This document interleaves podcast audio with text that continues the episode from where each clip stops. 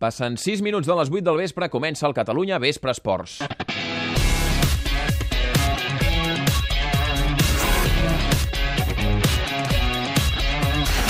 Ahir us explicàvem que Gerard Piqué havia protagonitzat un incident amb la Guàrdia Urbana de Barcelona. A quarts de 3 de la matinada, quan els guàrdies volien posar una multa, es veu que el cotxe del germà del jugador del Barça, Piqué, es va empipar i al mig del carrer va començar a escridassar els agents i els va faltar el respecte. Això és el que diuen els agents de la Guàrdia Urbana. Hi ha imatges de l'incident que si voleu podeu veure a la xarxa.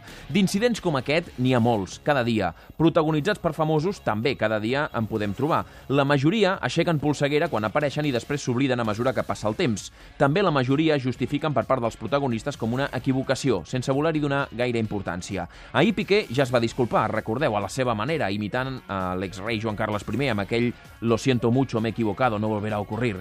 I el Barça, per boca del seu vicepresident Jordi Cardoner, també va intentar despatxar l'assumpte en declaracions a l'Esport 3 com un fet privat de Piqué sense anar més enllà.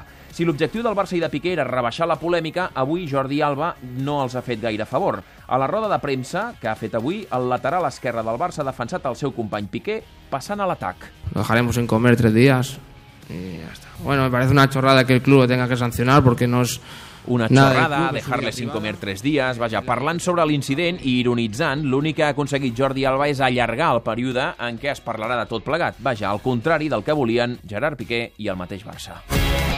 Catalunya Vespre Esports. amb Òscar Fernández.